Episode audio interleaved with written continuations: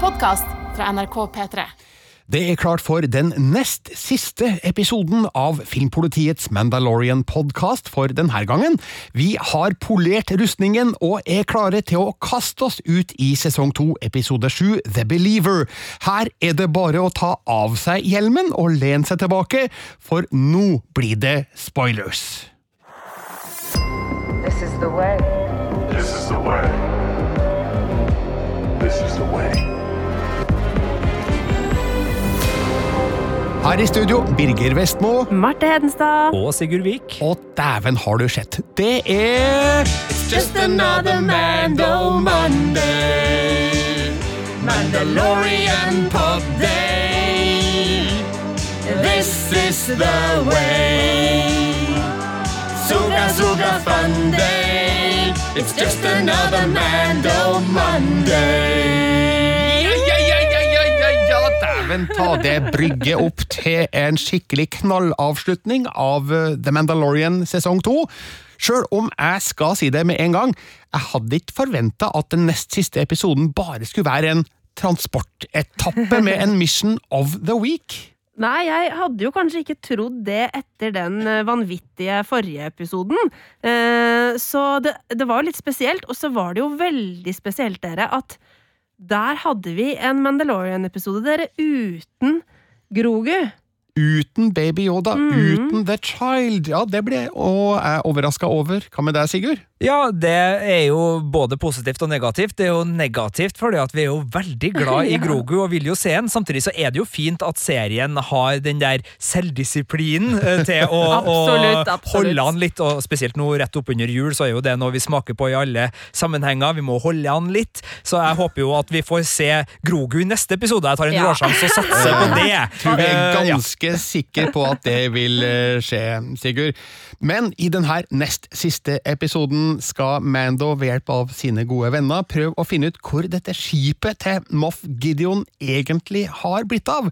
Og det er jo derfor vi så i den forrige episoden at eh, han greide å spore opp hvor Miggs Mayfeld befinner seg, og det viser seg å være på en søppelfylling, rett og slett. Eh, Carton Chopfields, som er navnet på det.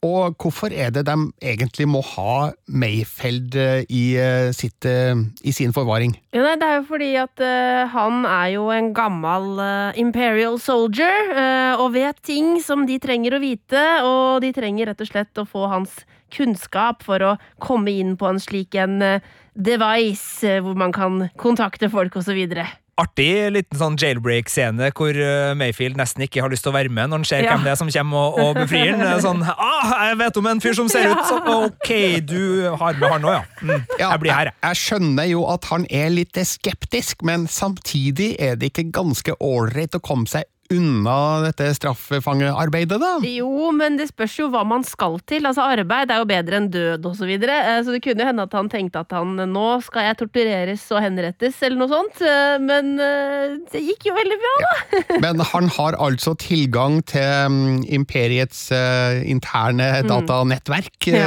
eh, og han trenger å komme seg til en eh, terminal. Han veit om en, og de må dra til planeten Marok, til et uh, hemmelig eh, gruveanlegg som imperiet har der. Så dit drar da hele gjengen, altså Mando, Cara Dune, Boba Fett, Fennek Fennec Shand og da Mayfeld, for å prøve å få tak i den informasjonen de trenger. da. Hvor har Moff Gideon eh, blitt av? Når de kommer dit, så viser det seg at dette gruveanlegget er strengt bevokta, og ja, eneste måten inn er å kapre en transport med rydonium. Og veit vi hva rydonium er, folkens? Vet du hva, Jeg har ikke peiling, og det tenkte jeg da jeg så den at det må jeg google for å sjekke hva er. Det har jeg glemt å gjøre. kan du Jeg har gjort det, og eh, ja, ja, de sier det jo i episoden at eh, rydonium er et eh, ganske ustabilt stoff ja. som eh, lett kan eh, gå i lufta, bare ved noen eh, sterke rystelser.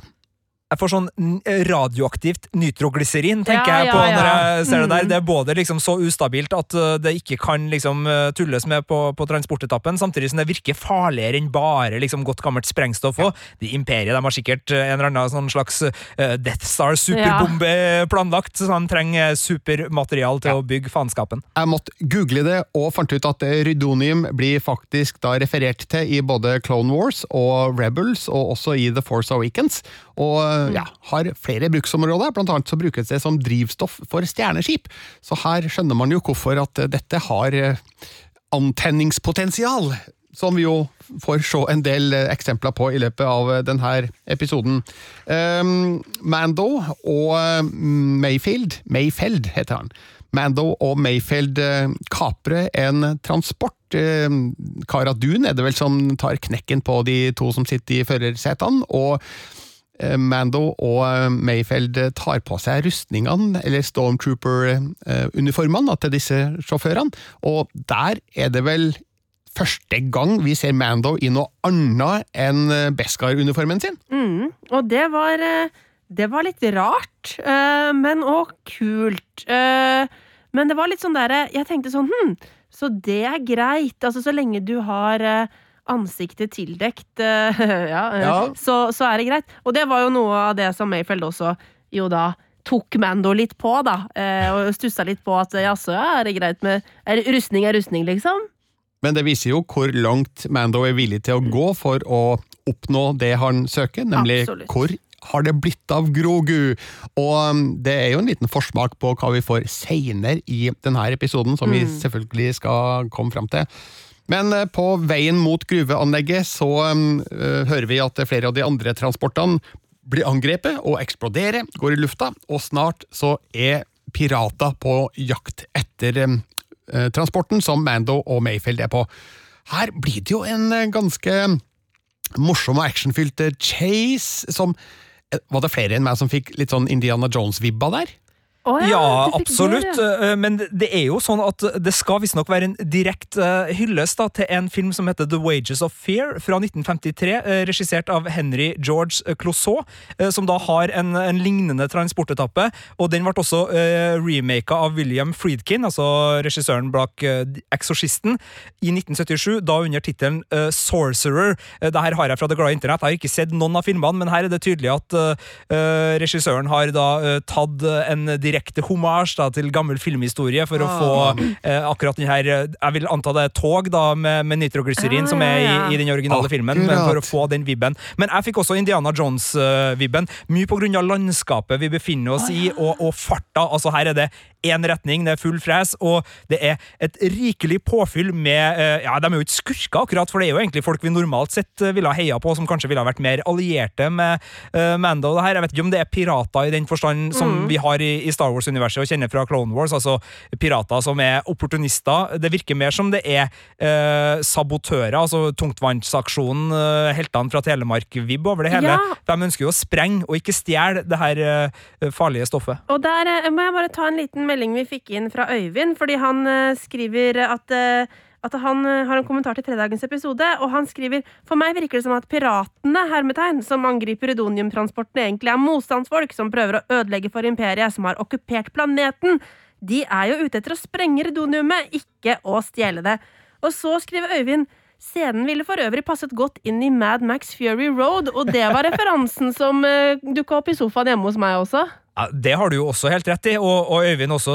Det er klart det er Ja, Mad Max, Indiana Jones, det er en, eh, det er en god blanding. Det, jeg anerkjenner begge de referansene veldig. Ja, jeg syntes at uh, Chase-sekvensen minna mye om uh, den, eller de flere i Raiders of the Lost Ark, men også i Kingdom of uh, the Crystal Skull. Men nei, Fury Road, heller ingen dum referanse til den scenen der.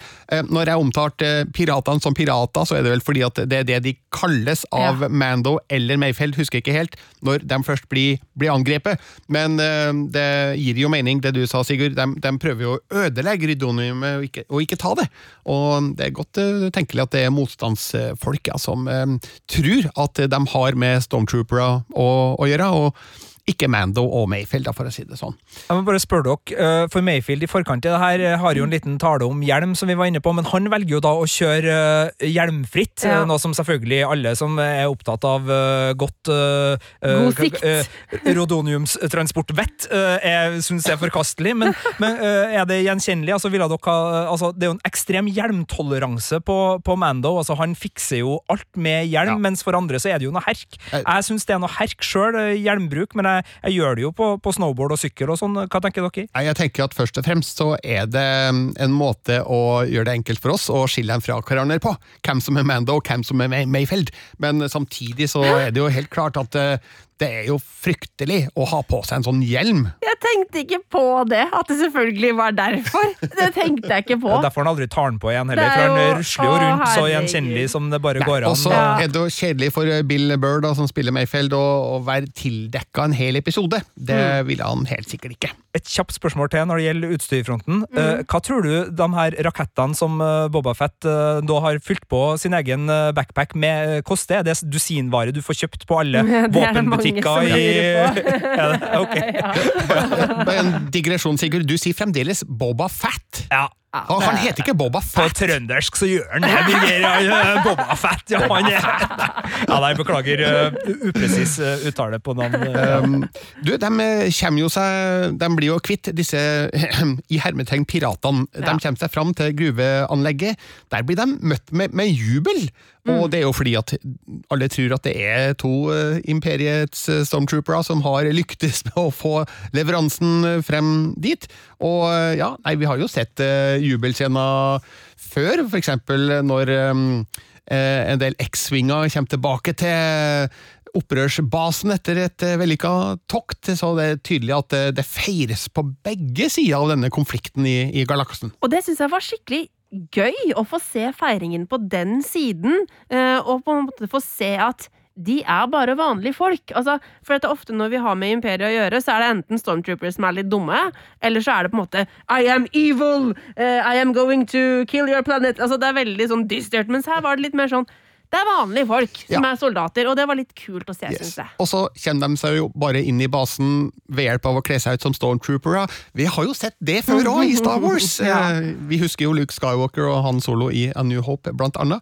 Eh, Men eh, skal det være så enkelt å infiltrere en eh, imperiebase? Jeg vet ikke. Nei, altså kanskje det Man så litt gjennom fingrene når det var de som på en måte var de eneste som klarte det der, den rudoniumfrakten, kanskje. Jeg tenker den helteinnsatsen var god, og, og det med gjenkjennelighet er jo noe altså, Jeg syns jo det var litt vågalt å gå uten hjelm der, men jeg syns jo det artigste var jo eh, Boba Fett, uh, som mente at han Ja, sjøl nå sa du det riktig. ja, uh, At han hadde et ansikt de kanskje ville dra kjensel på.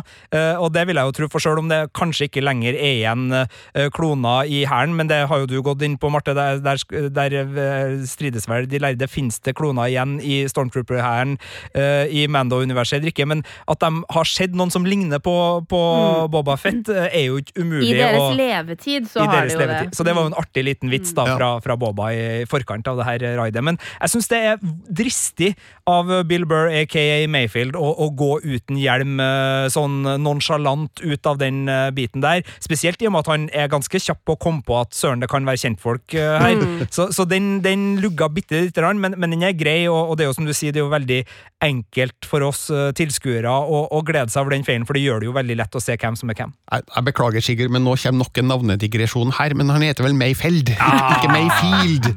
Eh, ja. men, eh, Burger Festmo, ja, du uh, har helt rett. Beklager. Eh, Men de kommer seg inn i denne basen, og de skal finne en terminal som Mayfeld skal accesse, få tilgang til, og finne ut hvor Moff Gideon har blitt av. Skal vi si litt om datanettverket til Imperiet, eller? Er det- er det ikke litt tungvint at man må til en fysisk terminal for å få tilgang til data? Ja, Det er lenge siden det her, da, Birger. Ja, det er det er langt borte. Så det var vel EDB-en på den tida som var litt uh, Nei, det, det er litt tungvint, men det er vel også en liten sånn sikkerhetsbrist at uh, den trenger ansiktsgjenkjennelse, men Ja, den tar altså, et hvilket som helst ansikt, eller? Ja, det, det, det, det her eh, hadde jeg jo tenkt å ta opp. Eh, Vi kan jo godt ta det opp med en gang. Når eh, da Mayfeld eh, kvier seg for å gå bort til terminalen fordi han ser en eh, gammel bekjent i eh, denne kafeen, så går Mando i hans sted, og der tar han faktisk av seg hjelmen for første gang i sesong to, for å bli skanna av denne terminalen, og ja, nei, da stilles kanskje det spørsmålet fra meg som dere også har. Hvorfor i all verden skannes Mandos ansikt, og så får han allikevel tilgang? Ja. Altså, jeg, det som eh, mannen min og jeg satt og diskuterte og kom frem til, da, var at den alle har tilgang, men den skal bare registrere hvem det er som har henta ut dataene. Altså, hvem, Den skal bare registrere hvem det er som har på en måte vært i systemet. At det ikke er en ansiktsskanning for å få tilgang. Det, det må jo være svaret her, da. Det er Trondheim folkebibliotek-varianten. Altså, Alle skal få, men du må registrere deg Ja. sånn at alle vet hvem som har den boka, eller har sett det. den filmen. Nei, den, den er fin, den.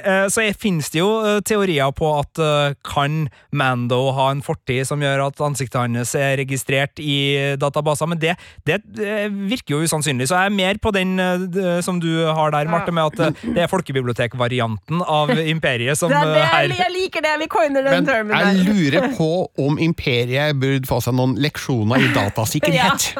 For det virker ikke helt trygt, det opplegget der. Men eh, mens han står der og laster ned data, så blir han jo tilsnakka av eh, denne offiseren som eh, Mayfeld er litt redd for. Og det er jo da sjølveste Valin Hess. Og Hess, det er jo en nazireferanse. Hess er jo etternavnet til Rudolf Hess, som var Hitlers nestkommanderende fra 1933 til 1941. Jeg måtte google han litt, jeg huska jo litt fra historietimene, men han fløy på egen hånd, på eget initiativ, helt alene, til Skottland under andre verdenskrig, eh, fordi han håpa å starte fredsforhandlinger med britene via hertugen av Hamilton, Oi. som han trodde var motstander av britenes krigføring. Det gikk ikke bra. Rudolf Hess ble arrestert av britiske myndigheter, og etter krigen så ble han fengsla på livstid i Spandau-fengselet i Berlin. Og der satt han helt til han hang seg som 93-åring i 1987. shit. Så det var Rudolf Hess. Men, eh, så det er jo helt klart at Valin Hess i The Mandalorian det, det, er, det, det er noen naziassosiasjoner der som eh, egentlig imperiet har eh, generelt sett, da. Ja, det er jo veldig mye altså både sånn Både i uh, hva skal vi si, ånd og utseende. Mye som er henta fra uh, Nazi-Tyskland Ja. der. Eh, Valin Hess spør eh, Mando, eller Din Djarin, da, som han heter. Er er det noen som bruker Din Djarin om Mando? Vi Nei. sier bare Mando. Vi sier bare Mando. Eh, det er jo noen som når folk skriver inn til oss, og sånn, så er det folk som er flinke til å bruke navnet hans, men enn så lenge så er det jo bare én Mando. Ja. Eh, vi, mulig vi får litt trøbbel hvis sånn i episode nei, sesong to så kommer det liksom andre Mandalorians fra samme klan. Da kan vi kanskje få Ja. trøbbel. Vi kan jo gi henne et lite eventyr-nickname. Din-din. Din, din. Din, din. Ja, men den skal vi ta opp. Den skal vi ta vare på. Bra, bra Sigurd. Eh, I hvert fall spør Valin Hess eh, Mando om hans eh, TK-number. Og jeg måtte google det, for det virka kjent. Og eh, TK Numbers har blitt referert til i Star Wars eh, tidligere, og det er vel en kode som Stormtroopere har, bestående av eh, TK og to siffer. Eh, hvilket betyr at det kan bare finnes 99 Stormtroopere. det fins sikkert flere koder, da, men det er tydeligvis en eh, Stormtrooper-kode på et eller annet vis. Det har jo ikke Mando, men der velger altså Mayfeld å komme han til unnsetning, til tross for at det er fare for at han blir gjenkjent. og han dikter opp en, en, en sånn røverhistorie om at eh, Mando har mista hørselen. At han er tunghørt, og at han må ropes eh, til. Eh, Det ender jo opp med at eh, Mando og Mayfeld må ta en drink med Valin Hess, og det, det eskalerer. Får man si. Den, den praten den, den tar en, eh, en ganske guffen vending. Ja, den, og den syns jeg var veldig bra, fordi der fikk vi på en måte komme litt under huden på Mayfeld, og, og på en måte se at han er ikke bare en sånn eh, litt sånn eh, lyssky dude som eh, driver med lyssky bedrifter. Han har også en, en sjel inni der en plass, og han har Uh, ting han angrer på i livet, og ting han mener har vært uh, urettferdig og fælt. Ja, og Og, og den altså også ordren han eh, snakker, altså den, det oppdraget han snakker om, er jo også et oppdrag som tar oss med inn i et større Star Wars-univers her, har jeg lest på det store internett. Ja, Du snakker om Operation Cinder. Det gjør jeg, eh, for det var jo et interessant eh, stykke arbeid, da, at vi får vite at eh, det, han har vært med på det, for det er da en operasjon som Palpatine sjøl tenkte ut, og som handla om å på en måte knekke av trærne og, og svi av mye av det imperiet eh, hadde, sånn at det skulle ødelegges og ikke etterlate spor. Brente jords taktikk. Eh, På et vis. Ja. Samtidig som det var en del som ble beholdt, sånn at empiriet forsvant aldri. Og, og på sikt så var også tanken da at empiriet skulle uh, trekke seg ut i de ytre, ytre rom og, og forsvinne mer og mer, og det vil vi vel også kanskje få se videre her i serien, men det skjer jo også. Men her er det tydelig da at eh, det er en uh, type da, som de sitter her, som mener at det er eh, en del av oppdraget, og det å liksom drepe sine medsoldater for saken er verdt å skåle for, og det er jo da uh, det bare liksom kommer tilbake til vår uh, gode venn Bill Burr, som jeg liker nå å kalle han, i og med at jeg ikke treffer helt på, på uttalen på, på etternavn. Uh, og, og det er fascinerende å se at en rollefigur som man trodde man hadde nummeret til, hvis det går an å, å si det på godt norsk, utvikler seg eh, så godt og så rikt i en episode. Både den praten han har med Mando om hjelmbruk, er selvfølgelig en del av det, men det at han da eh, sitter der og nekter å ta mer skit fra han her fyren, som han da mm, liksom får det til å velte opp følelser i, i Bill Burr, eh, det syns jeg var, var kjempefint. Og, og også selvfølgelig veldig elegant gjort av John Favreau og teamet bak Mandalorian å klare å eh, bake inn det her på en måte som gjør at hardcore Star Wars-fans kjenner igjen navn og operasjoner og knytter det til et større bilde. Ja, jeg likte veldig godt måten det skjedde på i det øyeblikket der Mayfeld åpenbart tenker bare fuck it og fyrer løs. Det er litt sånn Han Solo i A New Hope, eh, og eh, også minner meg delvis om eh, Harrison Ford i Raiders of the Lost Ark, når han bare gønner ned sverdemannen på det markedet. En uventa utvikling som jeg tenker liksom at nei, her kommer vi til å sitte ganske lenge, og at de skal prøve, prøve å snakke seg ut av det, men i stedet for så bang! Og det blir jo en ganske kul shootout eh, av det eh, på den basen, helt til de reddes av eh, Slave One og Boba Fett. Nå er det flere interessante motstandere de møter på utsida, blant annet eh, noen eh, Imperial Gunners, eh, offiserer i helt svarte uniformer, litt sånn særegne lange hjelmer, som vi også har sett i eh, A New Hope. Eh, Det er de som bemanner laservåpenet på dødsstjerna. Eh, Vi ser også Shore Troopers på basen, og dette har jeg lest på internett, folkens. Dette ferska jeg ikke da jeg så episoden sjøl, men det er altså da eh, en, en annen type stormtroopere, da, som, altså de er strandtroopere. Vi så dem i eh, Rogue One, på den siste planeten eh, de er på der, så de er tydeligvis da utvikla for å for å bevege seg på, på, på sand, ved, ved sjø, på, på strand, rett og slett. da. Men de, blir, de blaster alle sammen, selvfølgelig, og de mm, fer opp i lufta, i Slave One. Og Mayfeld gjør en siste hilsen. Han, han skyter da rett inn i rydoniumlasta med en cycle rifle, som da tydeligvis tilhører Boba Fett, for det her er jo et våpen som vi kjenner fra sandfolket, fra Tusken Raiders. Og ja, det blir full treffer, og det blir en kjedereaksjon. Eh, Det, det er ofte kjedereaksjoner i Star Wars-universet. Og det er ofte et svakt punkt som det går an Ja, å er treffe hvis du er veldig veldig, veldig, dyktig.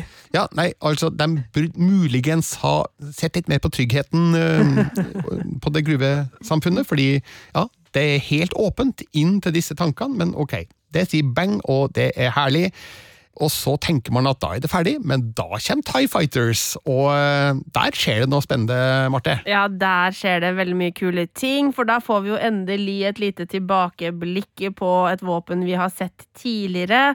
Eh, og jeg tenker kanskje vi, vi, kan, eh, vi kan ta det der med en gang, for jeg har fått inn et lite spørsmål fra Kim. Eh, Som eh, vil snakke litt om eksplosjonslyden eh, i denne seismiske bomben. Altså som, lyden av eksplosjonen. lyden av den seismiske bomben. Det er deilig nerdete, det her. Fordi han mener at den ikke er helt den samme eh, som lyden som vi hørte eh, da Fett Altså Jango Fett slapp bombene da mot Obi-Wan i Attack of the Clones. Ehm, så han skriver da det er jo et fint pek til gamle Fett og den gamle filmen, men i Klonene angriper kom det da en veldig spesiell og fin eksplosjonslyd som jeg fortsatt husker. Mens nå ble det bare helt stille. Uh, hvorfor tror dere at det kuttet ut den fine lyden? Ja, altså vi, la, oss, la oss høre uh, på Vi kan jo ta oss og kanskje høre den fra Mando først, eller?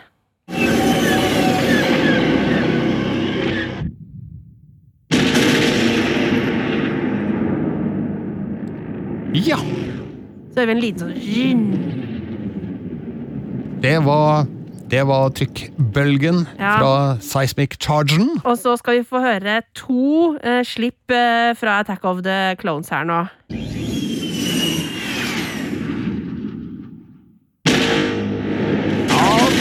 Den var, den var skarpere. Er litt skarpere. Kommer det en til? Ja.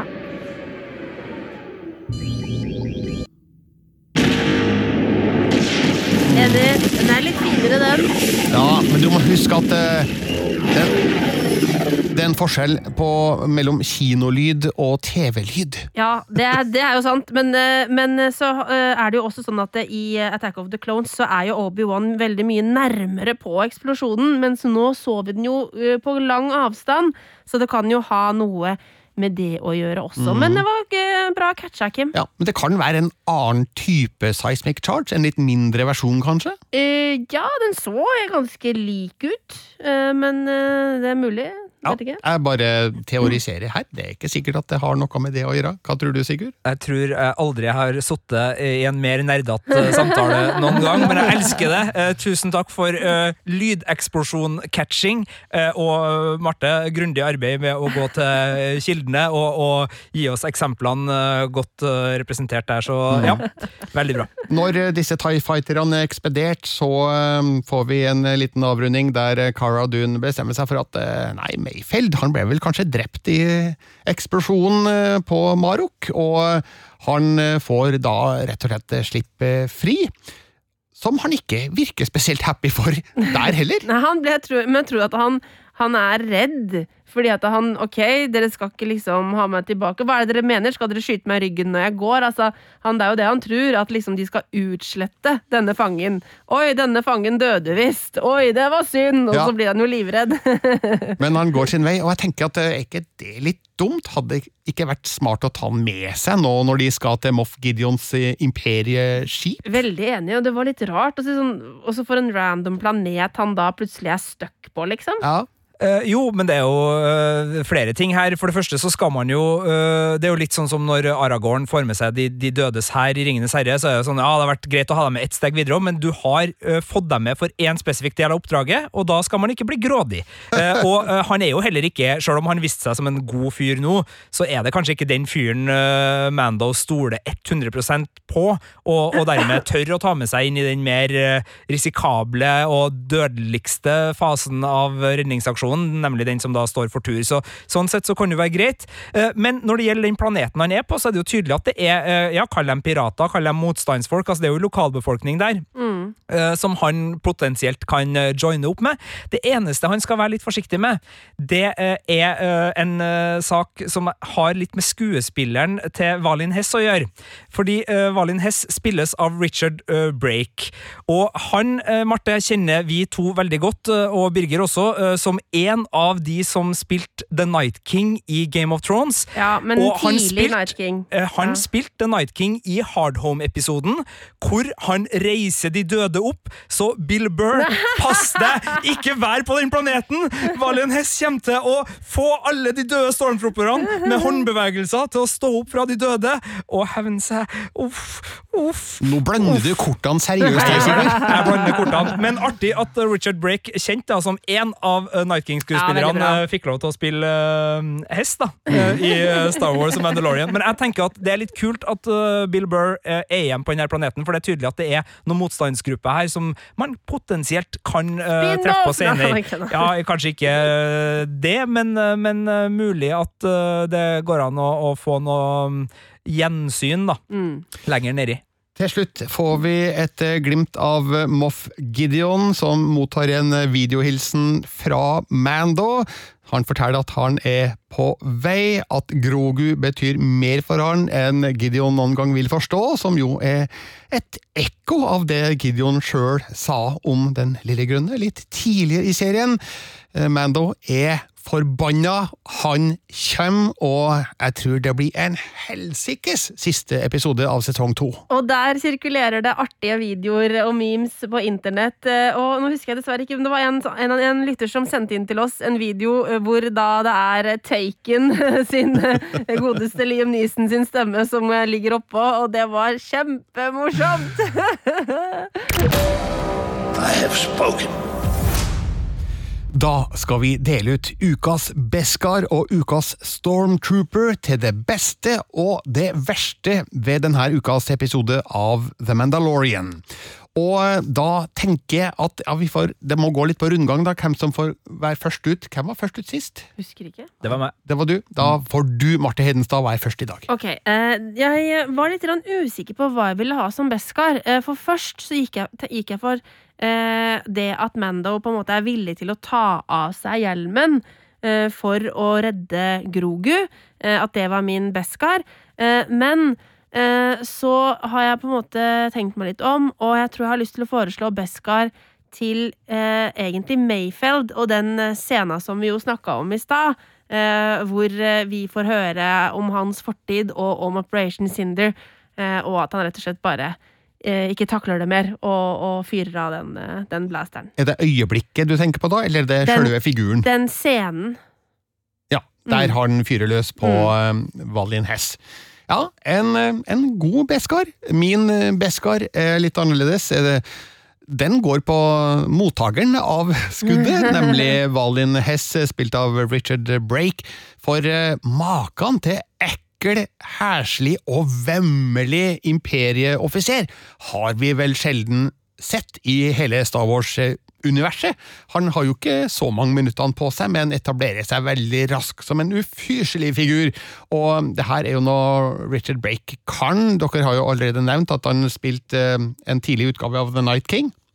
Han har jo også spilt eh, små roller i Det her måtte jeg sjekke opp, da. Eh, Cold Mountain, Doom, München, The Black Dahlia, Hannibal Rising, The Dark World.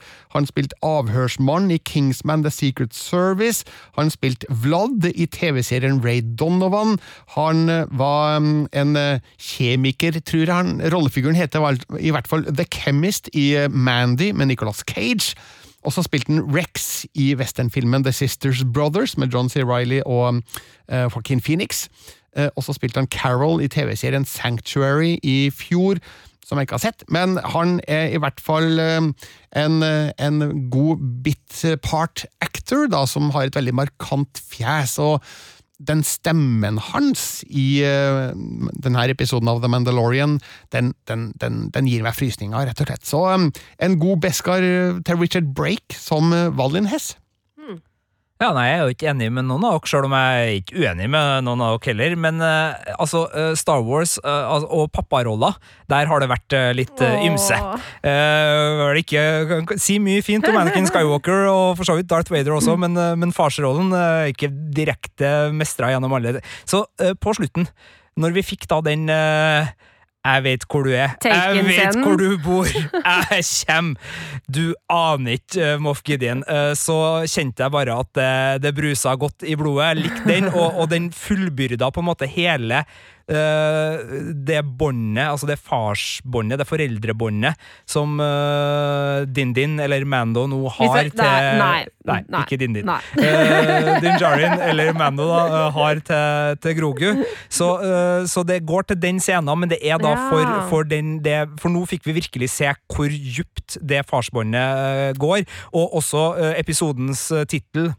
The Believer, altså hva Mando er villig til å ofre av kode og, og creed for å gjøre det han trenger å gjøre for å redde Grogu, kom veldig sterkt fram i denne episoden her. Ja, det har jeg faktisk lurt på altså tittelen The Believer. Hvem er believeren? Det er. Er, er det Mando som er Ja, det tror jeg også. Believer? Det er Mm. flere. Det er også uh, Mayfeld er jo en believer utover i episoden og får uh, altså, uh, no- noen aspekter der, og, og definitivt uh, Mando det, Og Hess er jo òg en skikkelig true Han believer en believer uh, i true sin sak. believer i sin sak, så, så Men da skulle jo episoden hete The Believers.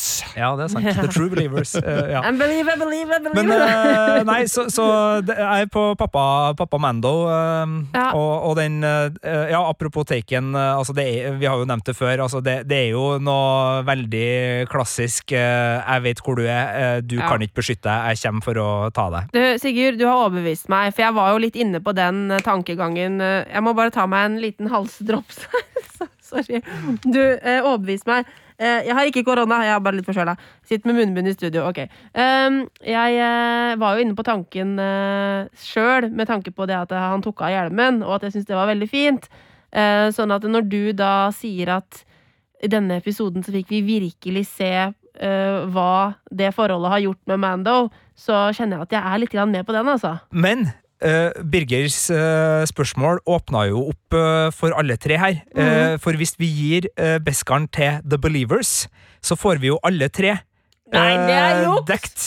Fordi det er jo de sterke believersene. Altså, det er Mayfeld sin, sin reaksjon der han blir så tvunget av sin tro at han skyter. Det er eh, Hess sin ekstreme overbevisning som gjør han et så tilfredsstillende mål for den kula, og det er Mando sin eh, vilje til å ofre sjøl sin egen eh, tro, sitt eget creed, for eh, Grogu. Vi, har, vi har et lite conundrum her, fordi jeg kan ikke gå med på Beskar til Mandos videohilsen til Moff Gideon, fordi det er min stormtrooper. Men altså, Det det er er, jo to Altså, hvis det er to mot én Det er jo ingen som har veto Nei, her men i denne jeg, podkasten. jeg tar stormtrooperen min med en gang da nå. Altså, ja da, det er kult at Mando kommer med en videohilsen til Moff Gideon og sier at jeg kommer, men er ikke det det dummeste han kun har gjort? Ja, det spørs jo på hvilken taktikk du har. da. Ønsker du å få uh, Moff Gideon i en bestemt forsvarsposisjon som du skal utnytte fordi du har kunnskap, så er det jo ikke dumt, Birger. Jeg vet ikke om han har den kunnskapen, for han har jo nettopp kvitta seg med den eneste han kjenner som har inngående kunnskap til imperiets rutiner. Men er ikke han sammen med en som har inngående kunnskap til uh, imperiet uh, i Boba Fett? Det kan hende, absolutt, men hadde ikke uansett vært smartere å ikke si fra om at de kommer for å redde Grogu. Det, det tenker jeg at det kommer an på taktikken. altså. Eh, jeg, jeg skjønner deg, og jeg, og jeg er ikke uenig, men, men det, det er ikke umulig at man her uh, lokker med noe for å skape en reaksjon som man kan utnytte. Uh, hvis det bare er for å tøffe seg, så er jeg enig i at det er dumdristig og, og Ja. unødvendig. Eh, og hvis det bare er aggresjon og testosteron i Mando, så, så, så ser jeg den, men, men jeg, satt vel, jeg satt vel mer med en følelse av at her har man uh, altså, I hvert fall gjennom hele Clone Wars så er jo det å sette feller og det å åpent gå inn i feller noe som gjøres gang på gang Mm. Ja, ja, i, i Star Wars-universet. Så, så her sitter jeg med en følelse av at man, man har en ekstra tanke, men det vet jeg jo ikke, så, så akkurat her og nå så kan det godt hende at du har rett, altså, Birgit. Ja, men du har et poeng med det der med det å gå, å, gå med åpent blikk inn i åpenbare feller, er jo en gjenn, gjennomgående greie, som du sier. Så det kan hende det er noe med det. Ja, At de vil at Moff Gideon skal sette opp ei felle, sånn at han får Mm. den uh, tryggheten, uh, og så har de en, en bakdørplan. Ja. Det er jo noen av uh, galaksens beste bounty hunters vi snakker om her. Jeg håper at dere har rett, at Ja. det er et eller annet uventa her som gir dem en strategisk eh, fordel, som vi ikke ser nå, men som åpenbarer seg da i den neste og siste episoden av eh, sesong to. Men eh, jeg mener på det nåværende tidspunkt Ja. så er det her ukas Stormtrooper for min del, og Ja. jeg kan ikke gå med på det av rent Men prinsipielle det, årsaker. Ja, Nei, men, men dette fars- er jo et demokrati, da? da. Ja, jo, jo, men det, altså, hvis vi, vi, vi tillater litt veto eh, Nei, men det går, går det ikke på ansiennitet? Eh, er det det?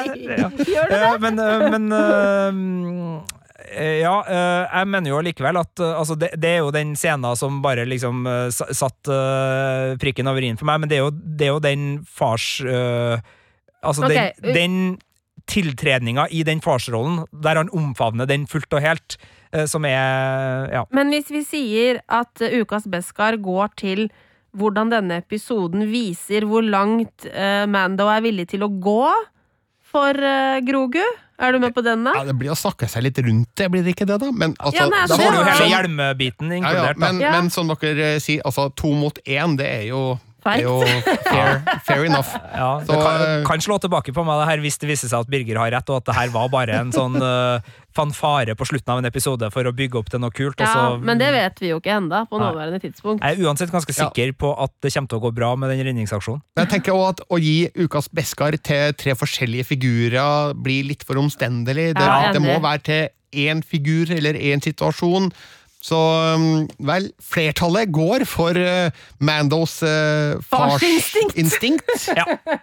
Det er Den, bra. eh, den kjøper jeg. Uh, nå har jeg allerede avslørt eh, hva som er ukas Ja. Stormtrooper for min del, så da er det Marte din tur. Ok, da går jeg for eh, det som jeg syns virka litt rart, og det er den, den som jeg jo hadde en forklaring på i stad, men den terminalen, hvordan den fungerte med ansiktsskanning. Eh, det, det ga jo oss muligheten til å se Mando uten hjelm, og det var fint, men det var òg litt teit, fordi det var litt sånn ja, Man merka at det her var det, det var kanskje litt sånn chunky writing. At ja. det måtte være sånn at han måtte ta av seg hjelmen akkurat for det. Her burde de ha gitt Mayfeld én setning om eh, folkebiblioteket, Sigurd. Ja. det hadde hjulpet veldig på. Det hadde virkelig For det, det er en sånn man blir sittende og, og klø seg i hodet unødvendig, Mm. tenker jeg, på, på akkurat den. Og, og Uh, det, uh, det er artig med scener som setter i gang fanteorier, men akkurat de fanteoriene om liksom, man blir tvingt ut da, i, Mm. øh, av den scenen her, er litt sånn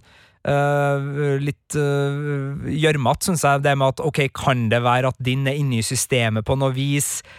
Nei, det kan jo ikke det. Uh, han ble eh, tatt opp som barn. Mm. Uh, altså Det er godt mulig han var skanna som kid da, i, i det her, og at det fremdeles er gode nok parameter i den eh, logaritmen, eller algoritmen, til å, å fange det opp eh, når han blir voksen. Men, Mm. men det, ja, nei, det, det var ikke godt eh, forklart og godt løst. eh, men eh, jeg har en annen en, da. Ok.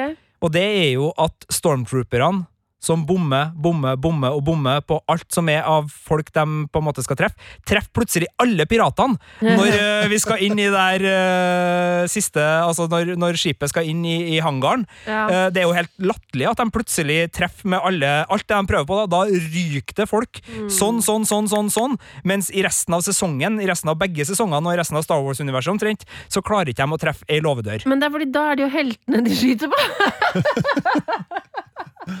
Ja, Jeg altså-. Ja, nei, det, det var helt urealistisk Ja. for meg at de plutselig skulle bli så gode til å treffe eh, akkurat i den ene scenen hvor de redder våre helter, mens hver gang de prøver å treffe våre helter, så er det helt Ja, klin umulig for dem å, å treffe. Nå skal det sies at det er jo litt flere typer soldater der da, enn Ja bare de vanlige stormtrooperne, som vi var inne på. Det er shorttroopers der, og det er også eh, våpenteknikere fra imperiet, sjøl om jeg husker ikke om de skyter på piratene i den scenen.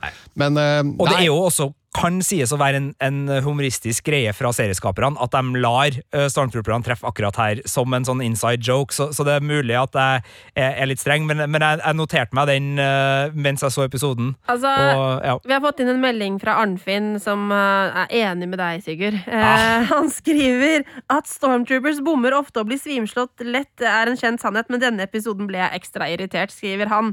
Eh, men han har flere ting å dra, dra på med, da. Okay. Eh, han skriver at når Cara Dune eh, hopper ned i Juggernauten for å ta ut de to transporter trooperne som kjører, så er det liksom eh, nok med et par slag og så stange hodene deres sammen. De har jo på hjelm og full beskyttelse. De burde jo tåle ti ganger mer enn det der. Blir irritert på slike ting.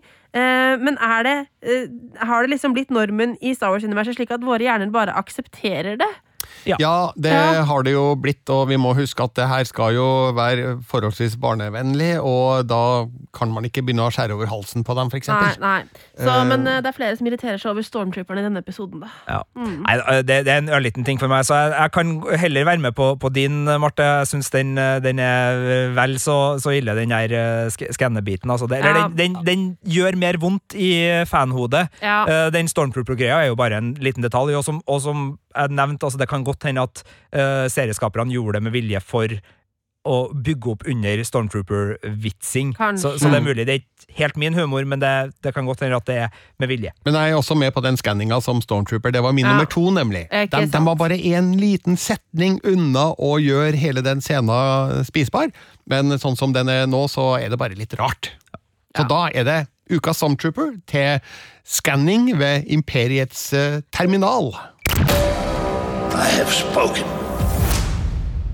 Marte, du sitter jo her altså da med munnbind fordi du er forkjøla. Ja. Du har ikke korona. Nei. Men eh, kan du komme med det sedvanlige hylet gjennom munnbindet? Jeg lurer på om jeg faktisk må ha litt hjelp i dag, for jeg kommer ikke til å klare å kunne hyle så høyt. Nei, men da trår vi til. Skal vi sier, steppe det her, Birger? Ok. okay. sammen med deg. Sammen med meg. Det er klart For- for Fan Theory Ah, veldig bra levert. Ja, det var ikke det samme, altså, men, eh, men vi får la det gå denne gangen.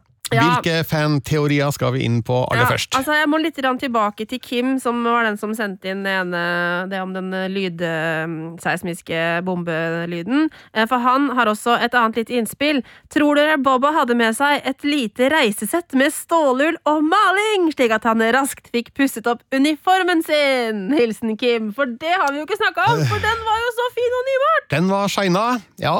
Absolutt. Det kan godt tenkes at han har noen redskaper om bord i skipet som han har gjort ting med. Jeg tror ikke vi heller at det er et lite rom i uniformen. Altså Det er jo en uniform med full, Oh. eller en rustning da, full av liksom hemmelige hemmeligheter. Så jeg tenker at det er et sånt lite sånn På, på undersida, sånn rett ved pulsåra der, så er det et lite kammer. Ja. Der du har litt stålull og litt maling og Hvis du husker Predator, så Predatoren har jo et eget operasjonssett Ja. i rustningen på eh, ene armen sin.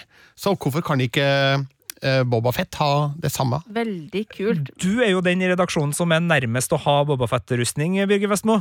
Du Du har i hvert fall hjelmen. Yep. Eh, Så hvis du sier at det kan være sånn, så kjøper jeg den eh, fullt og helt. Nemlig. Men, men han har fremdeles eh, skuddtreffet Ja. på, på hjelmen sin. Det har han ikke fiksa. Nei, han er bare, det er bare overflatepussing. Altså, eh, man merker jo eiendelene sine.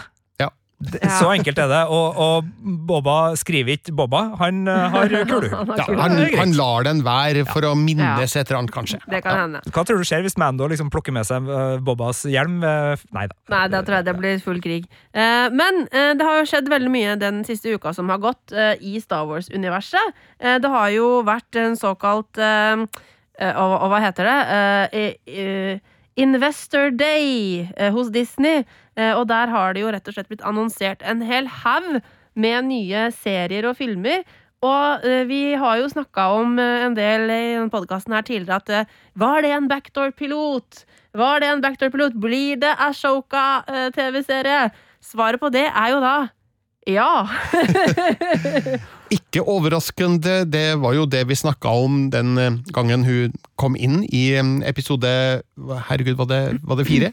ja Der, eh, der, der vi snakka om at når de henter inn en så kjent skuespiller som Rosario Dawson til rollen som Asoka Tano, Mm. så er det ikke bare for én episode.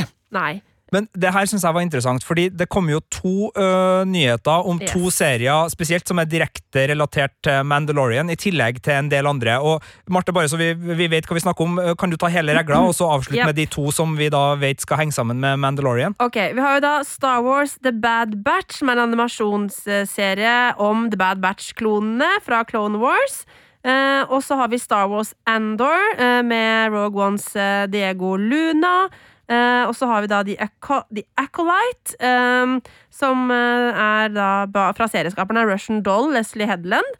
Um, Det skal ikke foregå i en kjent del av universet, forresten. Det er en av de den gleder jeg meg veldig til. Den skal foregå uh, på slutten av den der uh, High Republic-æraen. Ja, ja, ja. Så. Um, og så er det jo da Obi-Wan Kenobi-serien som omsider er virkelig, virkelig 100% bekrefta, og det er også da bekrefta at godeste Hayden Christensen Altså, returnerer som Anakin. altså hva syns vi om det? Ja, altså, hva, altså, det har jeg store problemer med. Uh, altså, nå har Clone Wars og Dave Filoni brukt så mange sesonger på å utslette vårt minne av Hayden Christensen som Anakin, og så kommer han tilbake! Vet du hva, jeg syns det er litt kult, jeg. Fordi jeg så prequel-trilogien for noen år siden.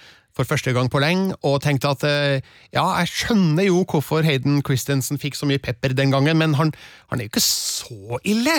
Og dessuten så tenker jeg at eh, det, det, det er en liten sånn eh, returmulighet her, da, for Ja. å liksom komme seg litt etter all den pepperen han fikk den gangen. At han kanskje sant. skal få en, eh, en ny plass i solen. Ja, Men vet vi hvilken rolle han skal spille? ja, ja vi vet hvordan han Han skal spille Darth Vader, min gode kollega. Fordi altså, Da jeg begynte å se Clone Wars nå, så så jeg jo eh, episode 1 og 2 først. Eh, og jeg eh, irriterte meg jo eh, så inn i helvete eh, over både Men det er ikke bare Christensen sin feil. Det er ganske dårlig skrevet manus. Eh, og så er det også, mistenker jeg, dårlig regi eh, fra George Lucas på Christensen eh, i Attack of the Clones.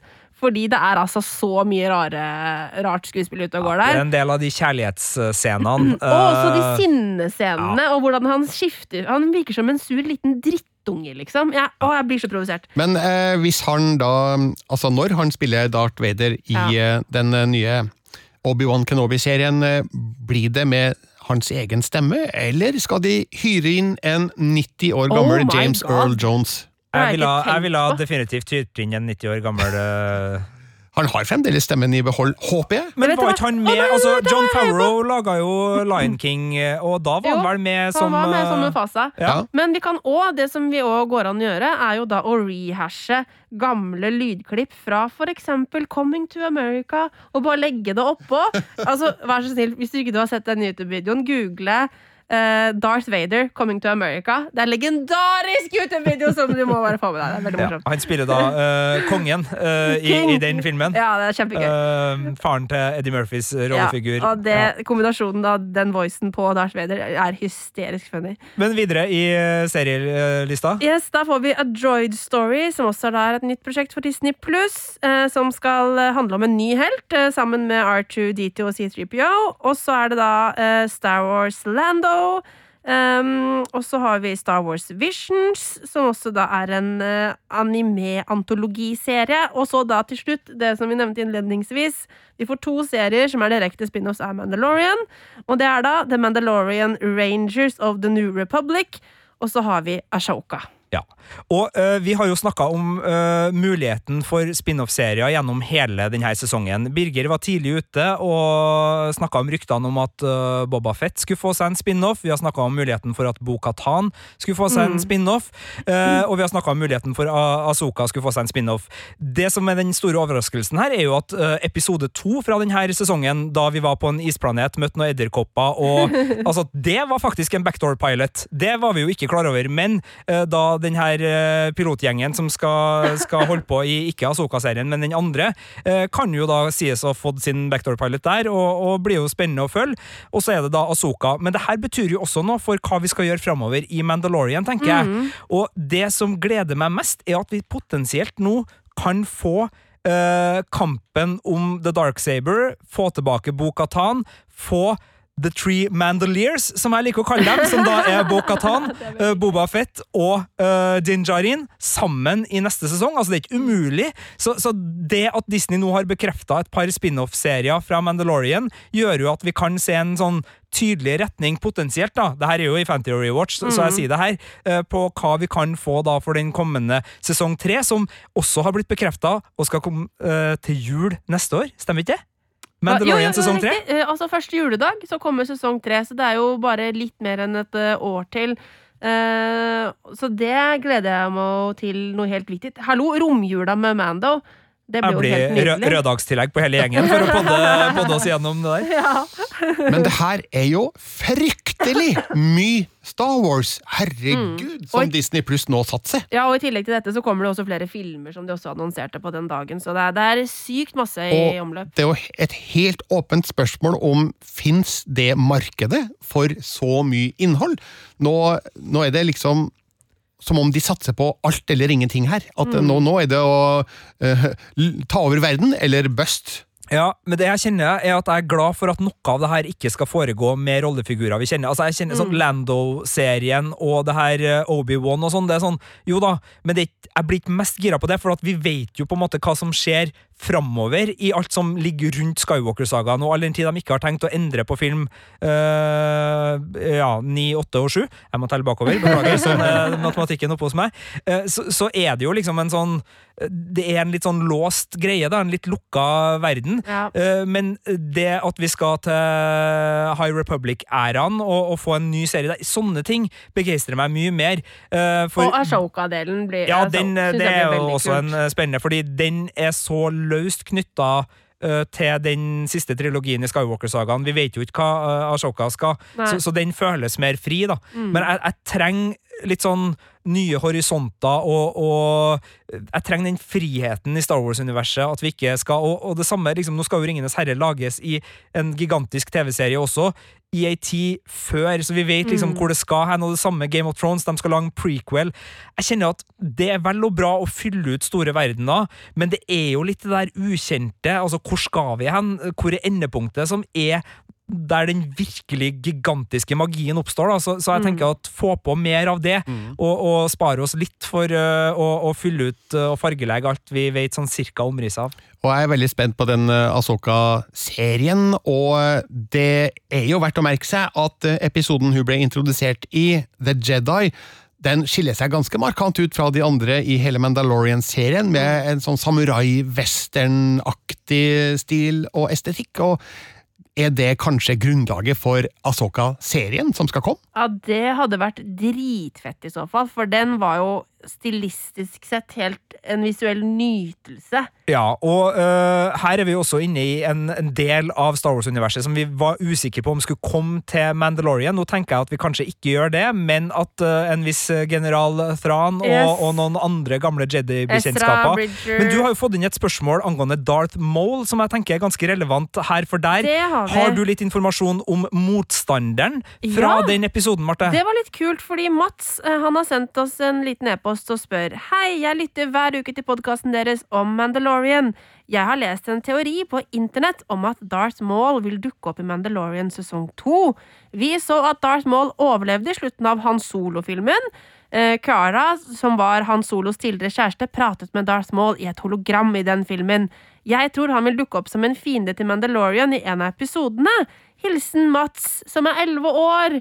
Uh, og da eh, må jeg si Mats, jeg tror ikke at vi kommer til å få se Darth Maul, fordi selv om han overlevde eh, den å bli kappa i to fordi altså, I hans solofilmen så ser vi at han er jo halvveis robot fra, fra livet og ned men han blir jo drept igjen, stakkar, eh, i Rebels. Ja, eh, det er vi ganske sikre på. Ja. Det, det, det, skal jo tas med Det kan med, jo hende, da. Ja, ja fordi, uh, både ja. fordi denne Mandalorian-serien har jo endra på detaljer, sånn som uh, for eksempel Boba Fett og, og Jango Fett sin status og, og rustning. Absolutt. Uh, og Darth Maul, eller Maul, da, som han er uten sitt fornavnet sitt, er jo en type som har vist seg ekstremt seig.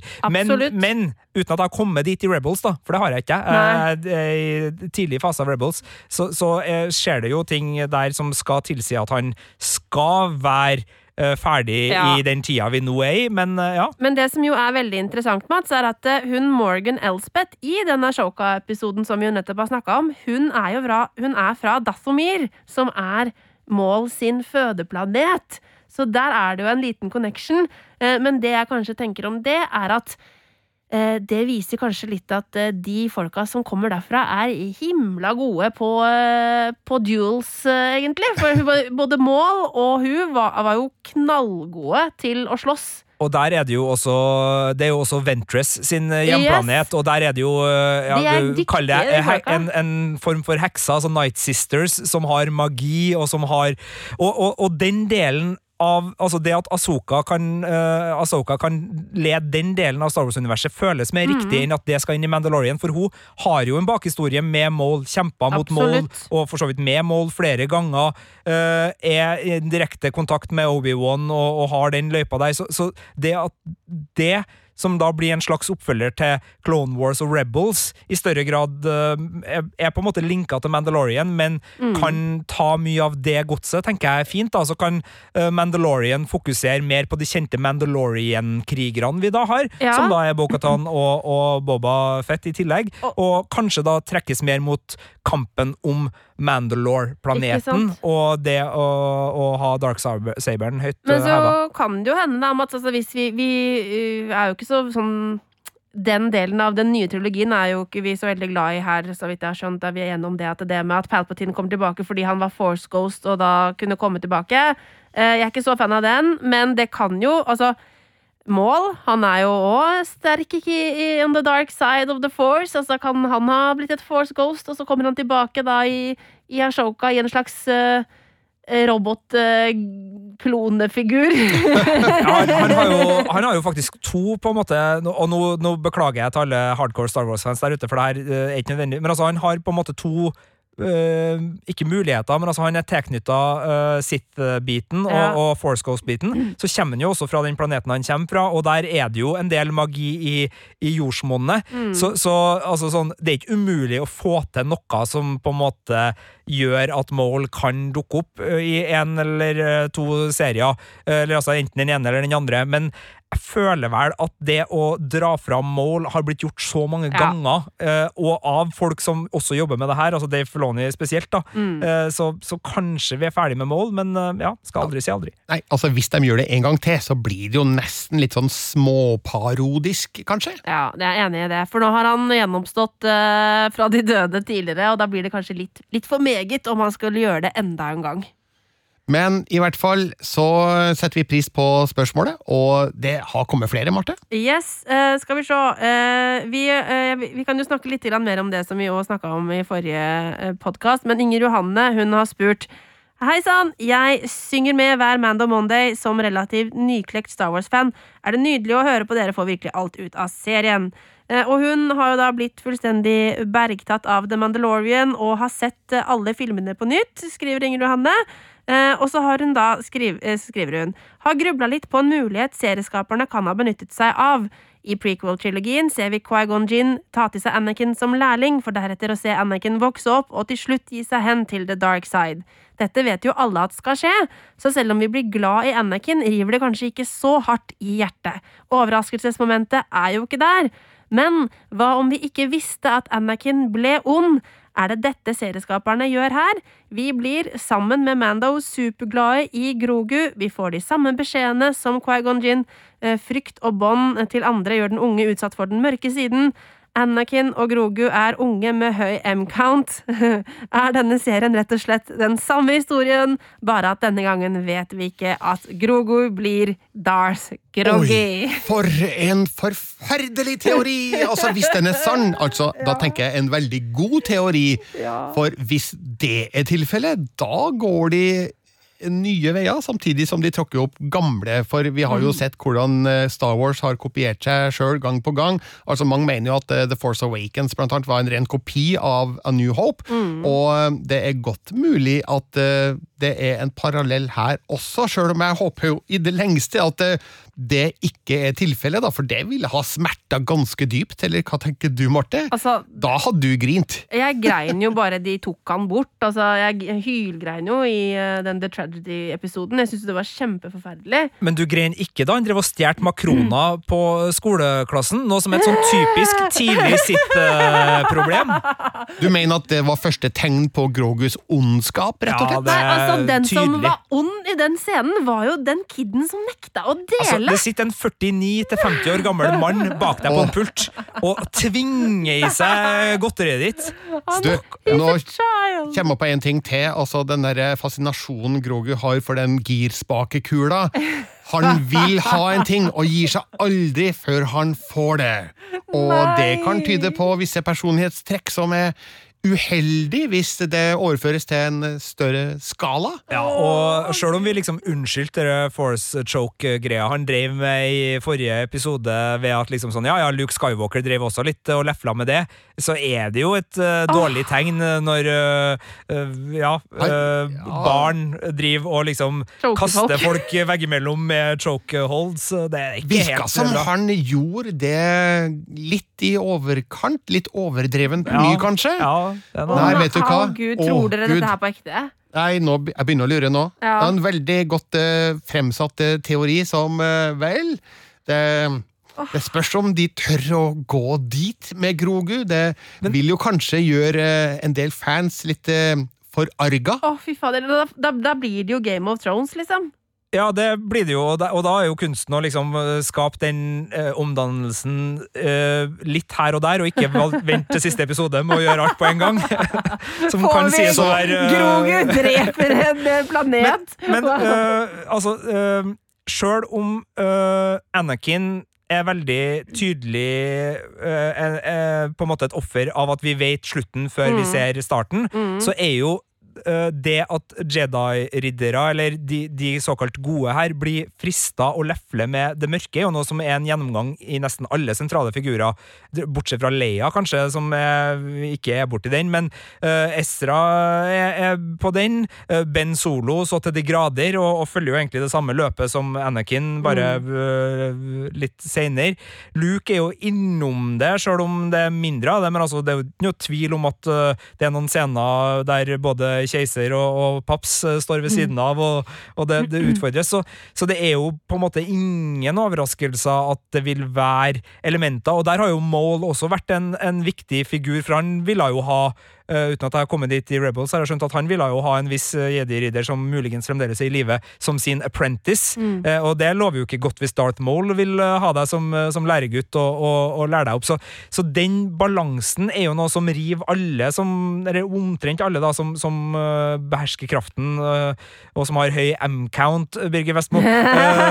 Så så det, det vil jo ikke være overraskende, men det vil jo være hjerteskjærende hvis de faktisk da på en måte dytter en ut i, i full ondskap. Men, jeg, jeg, jeg håper vel at de ikke skal dit, og jeg, jeg tenker vel mer at uh, det er ikke umulig at, uh, at eh, Grogu uh, blir en moderat bruker av At han blir grey, Nei, men- såkalt grey. En teori her da, som jeg ikke aner om har noe med virkeligheten å gjøre, men at kanskje får vi et klimaks på slutten av siste episode der vi ser at Grogu har tørna over til the dark side og står ved Moff Gideons eh, side og har blitt eh, ond, men hvis han da skal videre følge Anakins ark, så husker vi jo hva som skjedde med Darth Vader til slutt. Han ble jo snill Ja. helt på slutten, så kanskje er det det sesong tre av The Mandalorian handler om? Altså Mandos kamp for å få tilbake Grogu og få han vendt over til den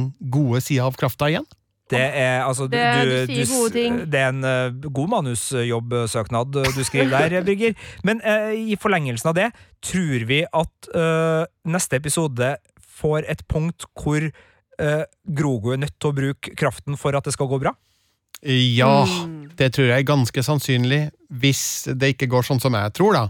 Jeg vet ikke helt hva jeg tror, men i hvert fall så vil jeg jo bli overraska om han ikke bruker krafta på et eller annet vis. Men om det er mot de onde eller mot de gode, ja, det gjenstår å se. Og kanskje han på en måte eh, er på en måte blitt litt tørna allerede i neste episode, eh, men når eh, Mando holder på å bli drept, så vil han på en måte likevel redde han, men at han liksom Han redder Mando med krafta, men mens liksom de kjører av gårde i et eller annet skip, og at han fortsatt er hos uh, Moff. Og så bruker han så mye krefter at han dør. Nei!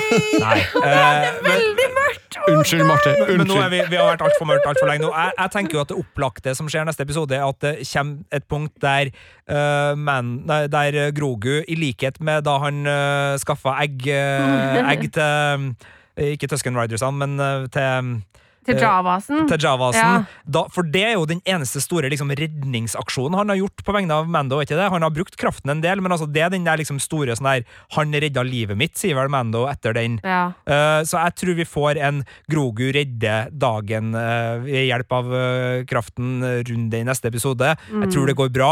Jeg tror Taken ender som Taken 1 endte, ikke Taken 2 og 3. Da. Mulig Moff prøver seg igjen, men jeg, jeg, jeg, jeg tror på happy ending. Men jeg tror også det blir en cliffhanger for noe større. Jeg tror ikke Moff blir beseira. Jeg tror den darksaberen skal, skal brukes uh, i, i sesong tre, men at redningsaksjonen lykkes. Ja, jeg, jeg tror det, altså. Hjertet mitt uh, tror at Disney Men vil dit, men Du tror ja. Moff Gideon eh, overlever? ja, det tror jeg. Litt for, litt for stor og sterk eh, motstanderfigur til å bli knerta så tidlig i serien? Ja, pluss at eh, Darksaberen sin link til Bo-Katan er så eh, god at de er bare nødt til å gi det en egen sesong. Ja. så de ikke gir det en spin-off. Ja.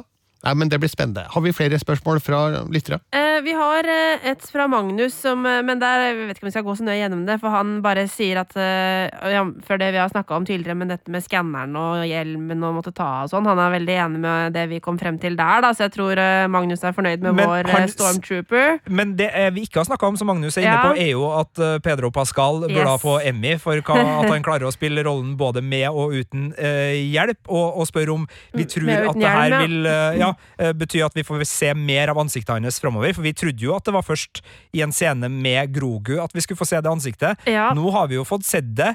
Eh, det er tydelig at eh, Mando er litt mer slepphendt, men jeg har også uh, lest en liten sak som gjør at Mando kan komme unna med å ha visst ansiktet sitt i denne episoden. Mm. Fordi uh, en Mandalorian eh, som Mando er, og ut fra hans tro, så skal man ikke ta av seg hjelmen sin og vise seg fram til noen. Ja. Eh, Det han gjør, er at han eh, går i skjul og skifter over til eh, Stormtrooper-hjelm, som ikke er hans hjelm.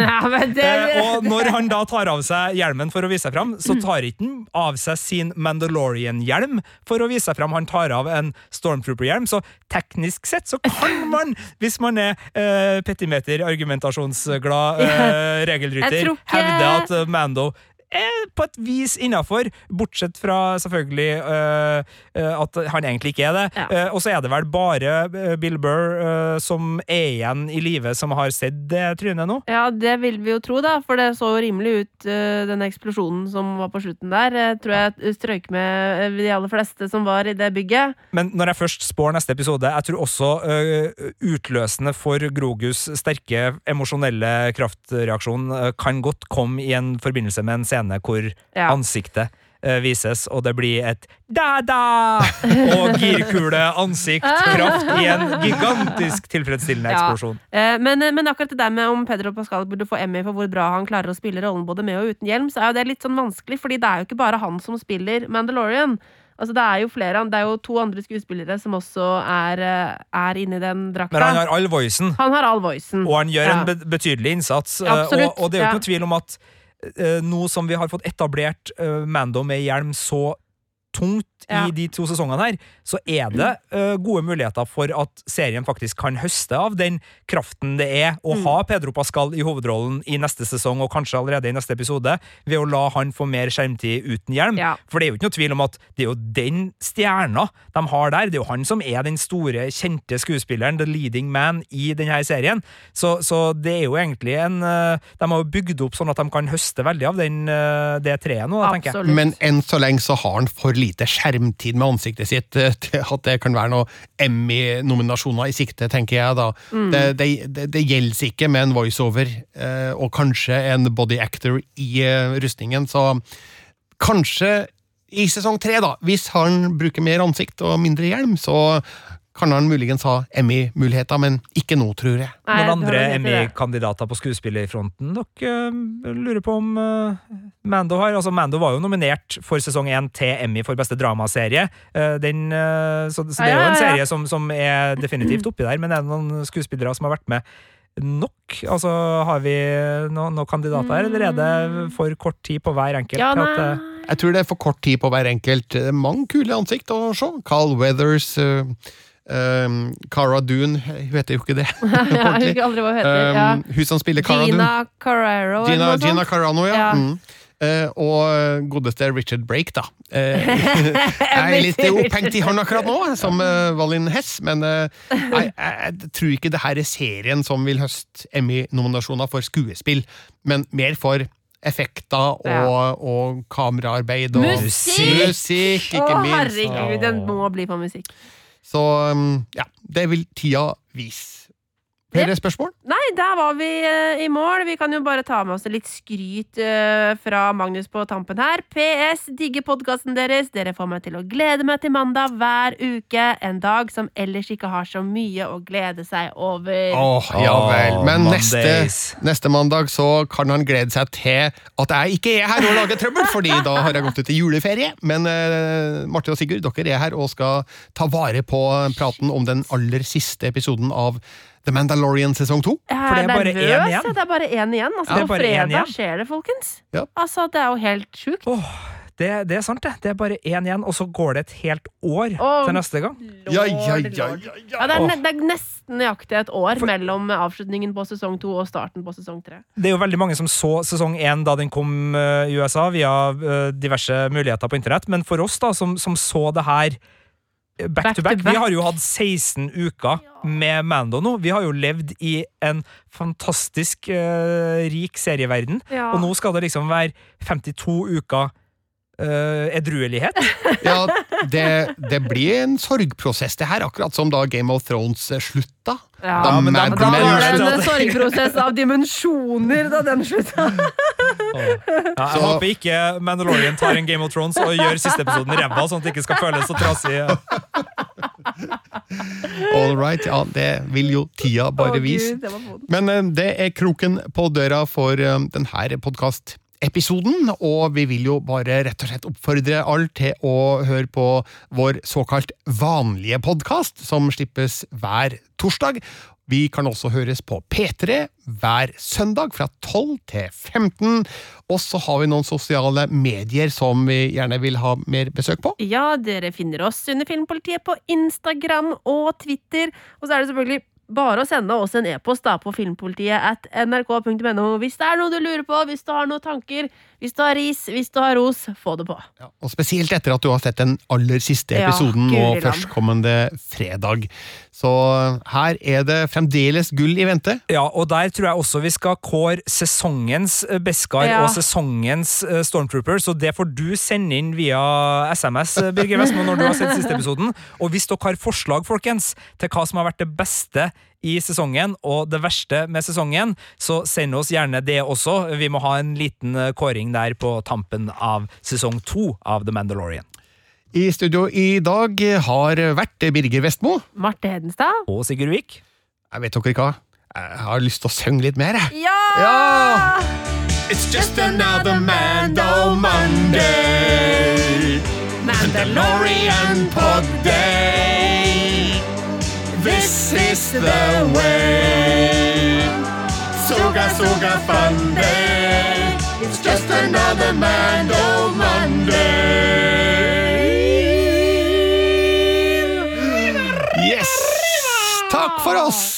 Du har hørt en podkast fra NRK. Hør flere podkaster og din favorittkanal i appen NRK Radio.